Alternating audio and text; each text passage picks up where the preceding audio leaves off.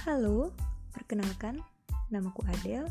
Saat ini aku sedang berada di Jerman dan podcast ini sengaja aku buat untuk berbagi kisah dan kesah selama di Jerman sebagai anak rantau dan juga akan aku bagikan beberapa informasi menarik tentang Jerman.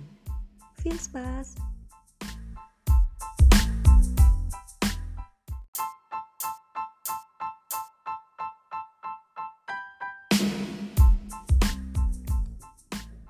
Suatu hari di Jerman. Hari ini aku akan bercerita tentang apa yang aku lakukan di Jerman. Aku mengambil program pair selama satu tahun di Jerman.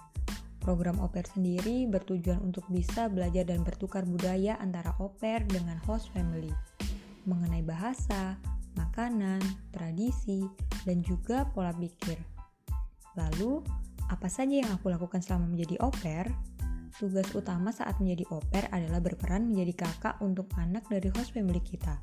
Beberapa contohnya adalah bermain dengan anak-anak dan juga mengantar jemput mereka ke sekolah. Selain itu, kita juga diharapkan dapat membantu mengerjakan pekerjaan rumah tangga seperti membersihkan rumah, mencuci piring, mencuci pakaian anak-anak, dan juga memasak. Namun, tidak semua oper mendapatkan tugas yang sama, semua berdasarkan kebutuhan dan perjanjian dalam kontrak kerja oper. Dan perlu dikarisbawahi bahwa program oper bukan merupakan program babysitter atau menjadi nanny. Namun, tugasnya kok sama ya? Eits, sabar dulu dong.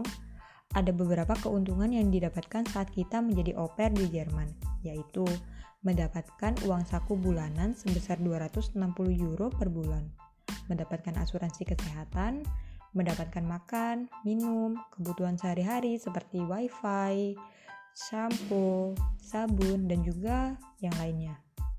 Dan juga yang terpenting adalah mendapatkan kesempatan untuk pergi ke sekolah bahasa atau Sprachkurs dan akan dibayarkan rata-rata 50 euro per bulan.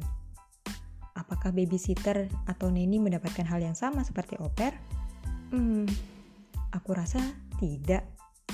Selain itu, menjadi pair juga bisa menjadi batu loncatan untuk meraih atau mengikuti program yang lainnya seperti FSJ atau BFD atau Ausbildung atau Studienkolleg atau Studi Master.